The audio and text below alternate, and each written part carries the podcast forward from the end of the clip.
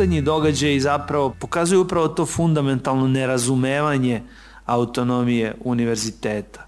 Znate, kada pošaljete tako nekakvu grupicu e, stranačkih pripadnika da e, tobož prave nekakvu ravnotežu e, e, unutar nekakvog dešavanja na univerzitetu koje je e, striktno gledano e, čisto univerzitetska stvar i onda to sve komentarišete na takav način kao da eto bilo je malo beliha pa smo mi poslali i crne da iznivelišemo jel, tu situaciju. To jasno pokazuje da vi ili ne razumete ili nećete da, svesno da razumete šta autonomija univerziteta nosi sa sobom. Kada se postavi pitanje da li su mere recimo koje su studenti preduzeli tim poslednjim činom blokade, da li to pripada univerzitetskom životu. Pa pripada, istorija pokazuje da pripada. Znate, niko ne voli kada studenti e, štrajkuju, kada studenti blokiraju, kada e, e, posežu za tim radikalnim merama, ali bilo bi besmisleno tvrditi da to zapravo nije jedno potpuno inherentno delovanje na univerzitetu i, i takve stvari se zapravo često dešavaju. Ovde je stvar posve čistija jer je reč o, ponavljam, jednom čisto školskom, univerzitetskom pitanju. Dakle, ono samo sticajem okolnosti ima još i dodatnu političku težinu i zato je ostalima u društvu E, para uši i poziva ih na neke reakcije. Ali suštinski pitanje da li se jedan univerzitet na adekvatan način razračunava sa slučajevima plagiranja doktorskih disertacija je par excellence univerzitetsko pitanje. I budući da je tako, studenti imaju pravo da reaguju na način kako su reagovali ako smatraju da institucije predugo a mislim da nam zdrav razum kaže da je u ovom slučaju ta reč adekvatna, predugo odugovlače i ne reaguju u takvoj jednoj situaciji. Možda najbolje znamo šta autonomija zaista znači u konkretnom nekom smislu je kad vam oduzmu autonomiju. Kao što su oduzeli Univerzitetu u Beogradu e, autonomiju zakonom iz 1998. godine, kada se kao upravljač univerziteta odjednom postavila vlada, dakle vlada vam bira dekane i rektore. Šta više, vlada vam postavlja i batinaše na ulazima fakulteta koji kontrolišu sada stvari iznutra, nekakve para parapolicijske ili ne znam kakve već jedinice koje su tamo poslali ove koalicioni partneri tadašnji, da podsjetim, to su bili SPS Juli, Srpska radikalna stranka. Dakle, isti ili vrlo slični ljudi, kako da vam kažem, može neko da ode iz radikalne stranke, ali ne mora radikalna stranka da ode iz njega, jel? Sa ovima danas. A, oko 200 nastavnika i saradnika je napustilo Beogradski univerzitet. Moram spomenem tu neke cifre da bi e, ta šteta bila možda jasnija, eksplicitnija. Sedam puta više je zaposleno u tom narednom periodu, oko tri godine su trajale sve te zakonske restrikcije i to je bila vrlo negativna jedna selekcija kadrova. Bio je nekontrolisan upis studenta, tamo od 99. pa, pa nadalje, da podsjetim i na to. Univerzitet u Beogradu Evropa je reagovali, imala odgovor na to i isključen je bio iz Evropske rektorske konferencije i asocijacije Evropskih univerziteta. Neki ljudi i dan danas su ostali iz tih nomenklatura, Šta više, oni su danas visoko pozicionirani savjetnici, ambasadori u zemljama zapadne Evrope. Najugroženiji, da podsjetim, tada bio pravni fakultet, elektrotehnički fakultet, filološki fakultet. Profesori filološkog i drugih ovih fakulteta nisu mogli da uđu u svoje kabinete od ovih paramilitarnih jedinica koje su okupirale naš univerzitet. Moj otac na filološkom fakultetu koji je e, zakonsku penziju već ovaj, ostvarirao, ali mogao je da, da produži svoj ostanak tako, tamo je li bilo to uobičajeno, nije mogao da uđe u svoj kabinet da uzme stvari. Od tih nekih ljudi koji nikakve veze s univerzitetom nisu imali. Profesor Ranko Bugarski, profesor evropskog i svetskog renomea je doživao tamo sličnu sudbinu, da ne nabrajam dalje. Tadašnji dekan pravnog fakulteta, ako se ne varam, još uvek je ambasador u, u Portugalu danas, u Lisabonu, da. Šteta koja je napravljena 98. ja bih rekao i možda ću se kasnije malo uključiti u to dalje, se osjeća i danas. I ovo danas što se dešava sa univerzitetom, kada imate situacije da neko blati javno rektorku našeg univerziteta, profesore filozofskog fakulteta koji su tu pružili zaista jedan pristojan i u akademskim okvirima jedan dostojanstven otpor. Ovaj, to su vam reslovi toga. Ulazak policije na fakultete kao što je filozofski i da kažemo privođenje, odnosno pozivanje na informativne razgovore naših profesora, van institucionalni pritisak na neke od naših profesora u proteklim nedeljama, sve to spada u korpus tih aktivnosti koje su nasleđene iz 98. godine, samo su neki ljudi istog vremena koji su tad bili neki pioniri, omladinci stranački, sada ovaj, u vrhu ove vladajuće stranke. To vam znači autonomija univerziteta kad je izgubite, a danas se mi borimo svi zajedno, koliko možemo profesori i Beogradskog i drugih univerziteta da, da to ne dozvolimo ponovo i moram ovde reći da ćemo se žestoko braniti svaki put kad pretrpimo takav neki udar. Da li je ovaj jedan, da kažem, slučaj koji se već dugo razlači po univerzitetu u Beogradu, može da indukuje da je autonomija univerziteta već kompromitovana? Kao što znate, sticam okolnosti, ja sam bio jedno vreme insider, a sad bih hteo da budem malo informer. Odnosno, hteo bih da vam ispričam šta se dešavalo pre nekoliko meseci, a onda vi sami prosudite da li je ugrožena autonomija ili integritet samog univerziteta. Naime, etički odbor je doneo rešenje da predmet u vezi e, doktorata Siniše Malog vrati na fond. To rešenje je doneto u julu mesecu. A, nekih dva, tri meseca pre toga to rešenje je osmišljeno na univerzitetu. Odnosno, pre nego što su opšte žalbe stigle do etičkog odbora, pre nego što su podnete, rešenje je već bilo pripremljeno. Ideja sa pripremom tog rešenja je bila ta da se izađe u susret interesima vladajućih struktura, pogotovo zato što je u pitanju prominentni član trenutno aktuelne vlasti. Na prvoj sednici etičkog odbora, kad su razmatrane žalbe, ja sam se javio za reč i rekao sam da nema potrebe da odugovlačimo sa procedurom oko tog predmeta, da je sve jasno i da možemo odmah da pristupimo glasanju i izjasnio sam se oko toga rekavši da smatram da je doktorat Siniše Malog očigledni plagijat niko od članova etičkog odbora nije rekao ni reč. Posle nekoliko sekundi prešlo se čutke na sledeću tačku dnevnog reda. U zapisnik sa te sednice nije ušlo ništa od toga što sam rekao, odnosno ni moj predlog, ni moje izjašnjenje. Sami ti događaji pokazuju da od autonomije ili integriteta našeg univerziteta nema ništa. Sada se naravno čeka izjašnjenje sa fona. Mislim da e, etički odbor u trenutnom sastavu nema nikakav kredibilitet. E,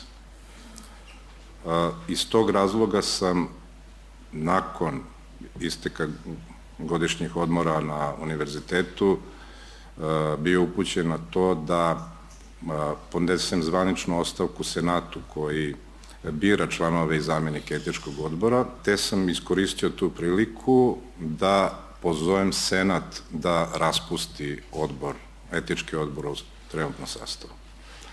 A, naravno, šta se desilo na tu temu znati sami, odnosno nije se desilo ništa.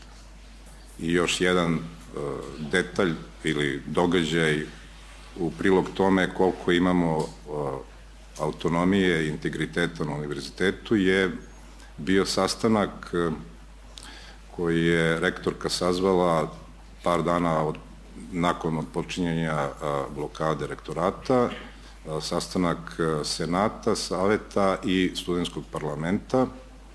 Ako su mediji dobro preneli šta se tamo dešavalo, nakon njenog izlaganja samo se dekan građevinskog fakulteta javio za reč. Dakle, u trenutku kad se naš univerzitet nalazi u katastrofalnoj situaciji, niko od prisutnih nije našao za potrebno ishodno da kaže bilo šta. Na osnovu tih e, činjenica sami zaključite gde smo po pitanju autonomije i integriteta. Autonomija jeste jedna vrsta privilegije, jedna vrsta slobode, ali jedna je vrsta slobode koja, kao i svaka druga sloboda, ne bi trebalo da se zlopotrebljava. Šta hoću da kažem? Biću vrlo precizan, opet na primjeru jednog plagijata, pri čemu meni taj plagijat nikakav, nije nikakva obsesija, nego prosto kada se tako digne, na taj način digne prašina, onda neke stvari postaju mnogo vidljivije. A ovde smo videli da, bez obzira kako se bude razrešio slučaj, ali ja, i da kažemo da se razleši onako kako treba, da li mi imamo pravi epilog, a da svi oni koji su umešani u celu ovu ujdurbu ne odgovaraju za ono što se desilo. Autonomija univerziteta ne podrazumeva da se univerzitet i svi oni koji se nalaze, koji su deo univerzitetske zajednice, mogu ponašati kako god im volja. I mi smo gore, evo, nešto časkajući pre dolaska, pominjali taj e, slučaj nesretnog e, rektora Kragujevačkog univerziteta Arsenijevića koji je na kraju smenjen odlukom ministra. Znači tu je javnost priželjkivala da se ministarstvo uplete jer sama akademska zajednica nije mogla da izađe na kraj sa onim što je jasno po svim dokazima bilo par excellence neakademsko ponašanje ponašanje koje nema nikakvog dodira i veze sa univerzitetom. I tu sad, znate, tu dolazimo u paradoksalnu situaciju da onda nije besmisleno kad neki tamo Marijan Rističević ustane u Skupštini i kaže a šta će ministarstvo da preduzme povodom autonomije univerziteta?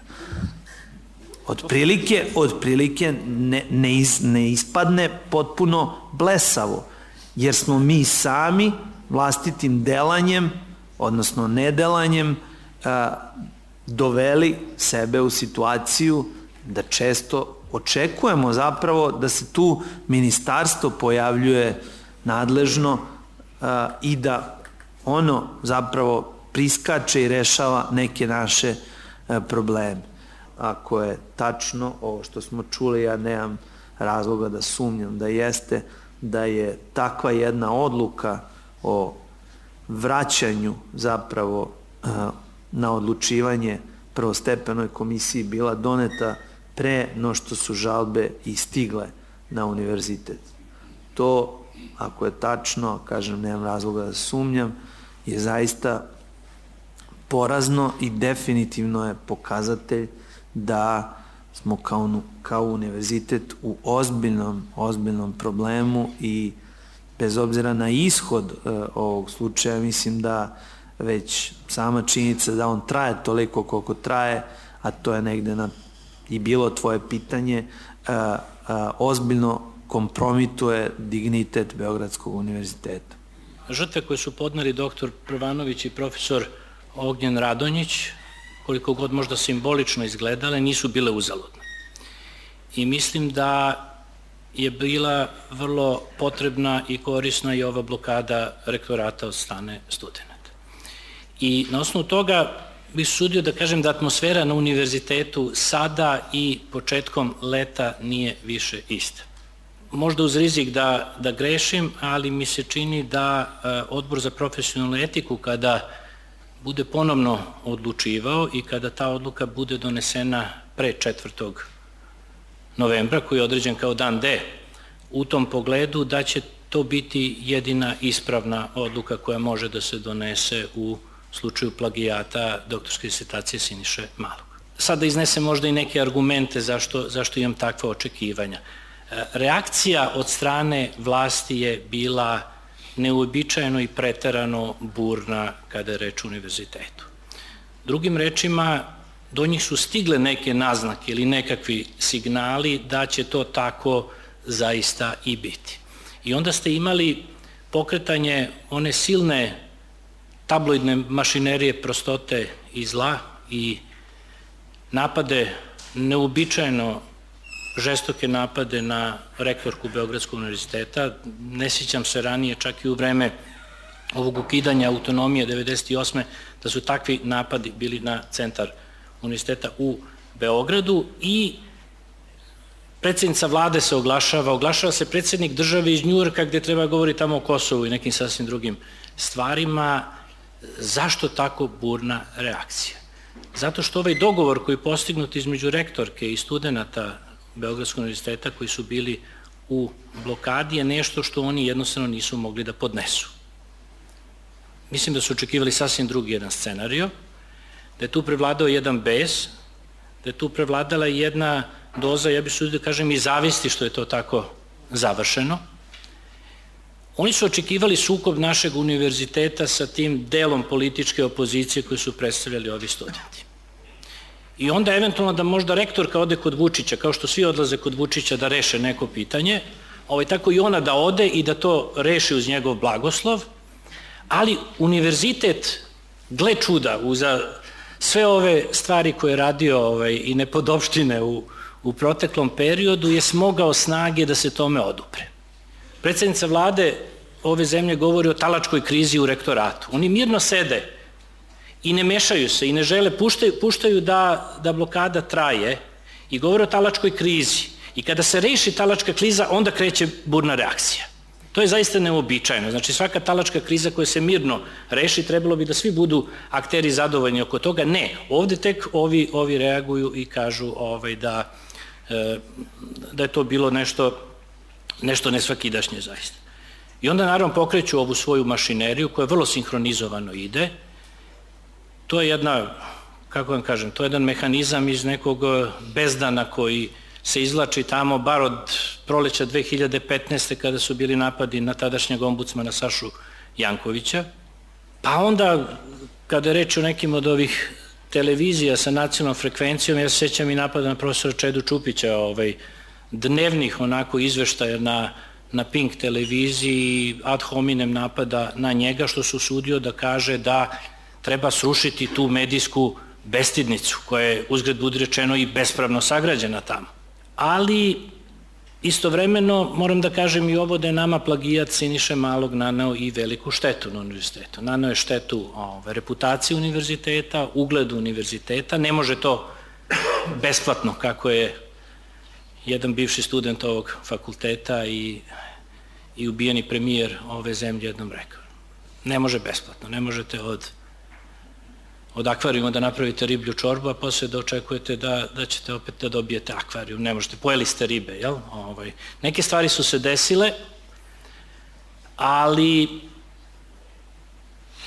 tu neka dva aspekta imaju koja se možda gube obično iz vida, ja bih volao da ih istaknem, želim puno o tome da govorim, samo još to da dodam. Jedan aspekt je sam plagijat, nešto možda najgore što možete da uradite u akademskoj zajednici kao, kao naučnik, kao stručnjak. Po meni još gori aspekt je zataškavanje plagijata. I to ono što, s čime smo mi morali da se suočimo u onom periodu. I zato se to razlačilo toliko, razlačilo se pet godina. Ja moram da kažem da delimično odgovorno zato imaju institucije univerziteta, ali one su spore. To su određene procedure koje traju. Ja ovde da podsjetim da u vreme, bar kad sam ja biran za redovnog profesora univerziteta, ja sam morao da prođem 11 instanci u procesu izbora. Tako se ne bira načelnik generalštaba vojske, ne bira se direktor bije, ne bira se predsednik države, premijer da ne govorimo kako se bira. Ovaj, nemate ni jednu instituciju gde približno toliko traje, traje proces izbora i verifikacije. S druge strane, svako neodgovorno ponašanje i e, taj manjak odgovornosti kad se radi o tako drastičnim slučajima kao što je bio ovaj plagijat koji verovatno može da lako verifikuje nekakav ovaj, srednjoškolac ili možda i neki učenik starijeg razreda osnovne škole kad ima jedan tekst pa drugi tekst pa ga uporedi verbatim da je nešto prepisano pa pogleda tabele pa pogleda druge stvari. Znate, to nije teško utvrditi. Ali onda nastaje problem u tom procesu zataškavanja, jer se tu uključuju onda razni drugi ljudi. Na fonu su razne komisije ovaj, postupale oko toga. Imate komisiju prvo ovu koja je odobrila tu doktorsku disertaciju i njenu odbranu. Pa imate komisije koje su specijalno formirane da ispituju taj slučaj plagijata i one se ne osvrću uopšte na plagijat, nego se bave Miki, to ćemo ostaviti za profesora Radenkovića. Eto, možda, možda tu da stanem, ali ne zaboravimo, imamo plagijat i imamo zataškavanje. I doći ćemo i do ove teme korupcije, uključujući korupcije na univerzitetu, samo da podsjetim na jednu izreku koju je moj pokojni kolega i prijatelj svoje vremeno ovaj, isticao, kaže, korupcija je kao Nokia, kaže, it connects people.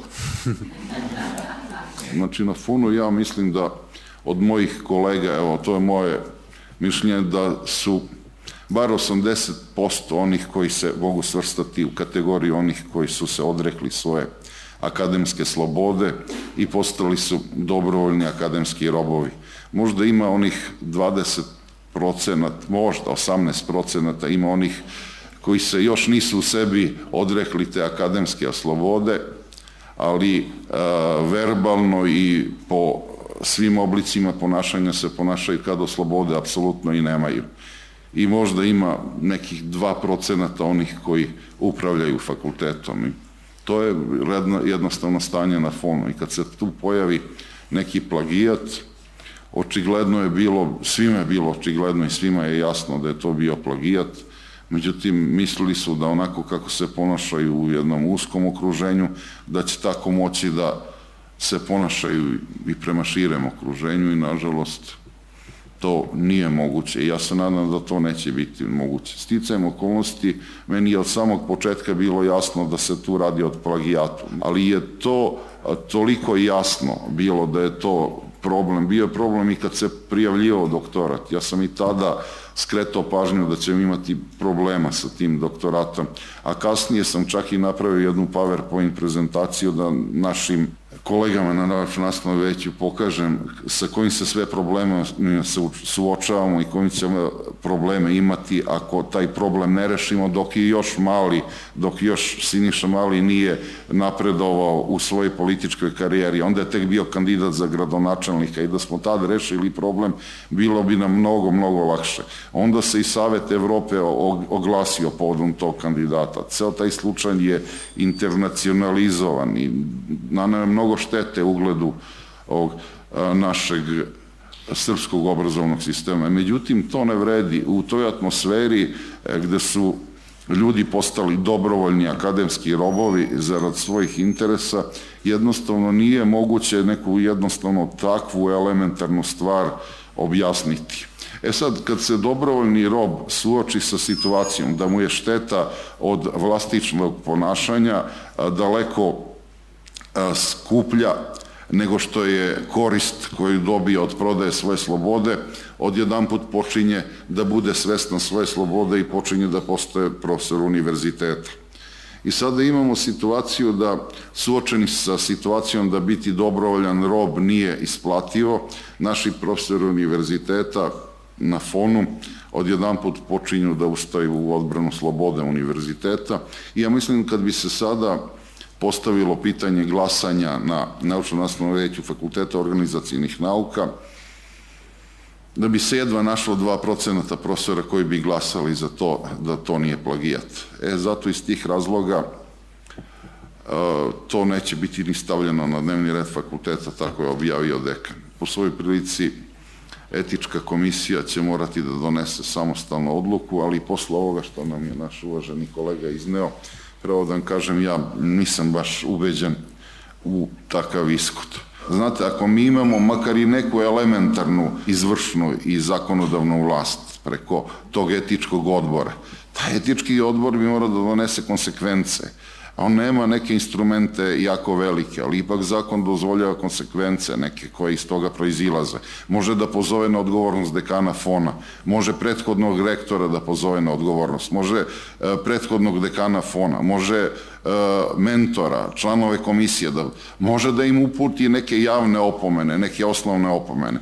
Sama ta javna opomena, ako se uputi dekanu, dekan više nema uslove da bude dekan bivši rektor ne može nikad da bude ni dekan, ni rektor.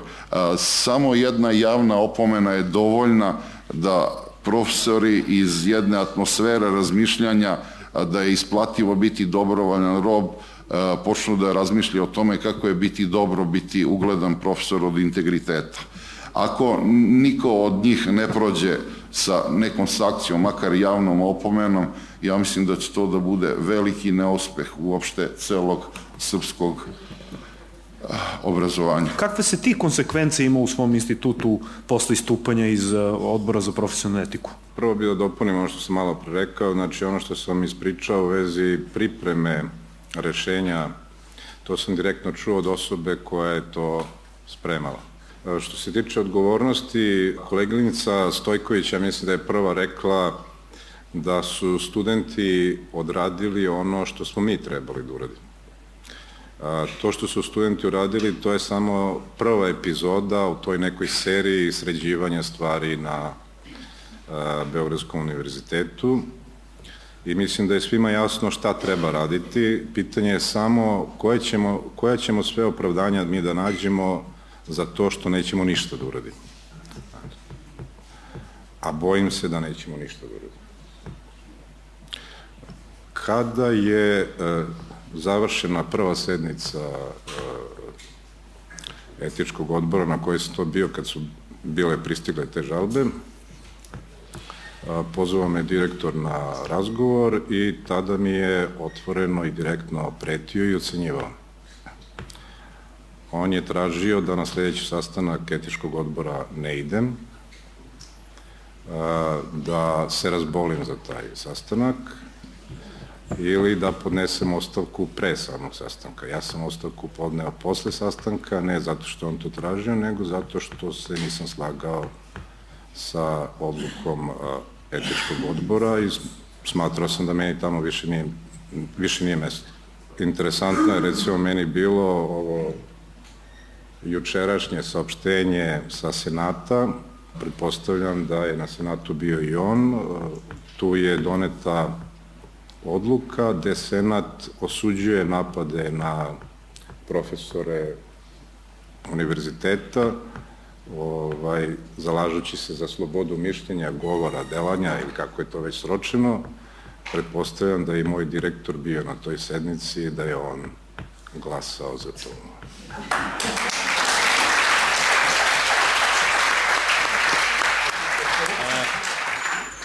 Mi ovde u ovoj zemlji imamo jednu korupciju koja je sistemska i koja je endemska.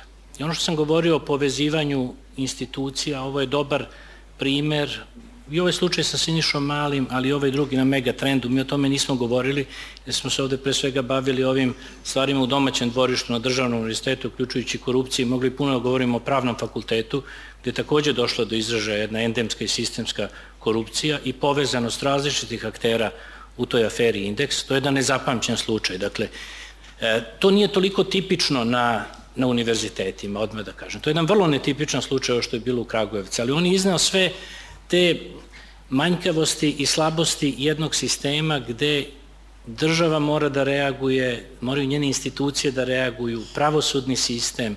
Konkretno u ovom slučaju oko Siniše Malog imamo taj mehanizam zataškavanja, znači.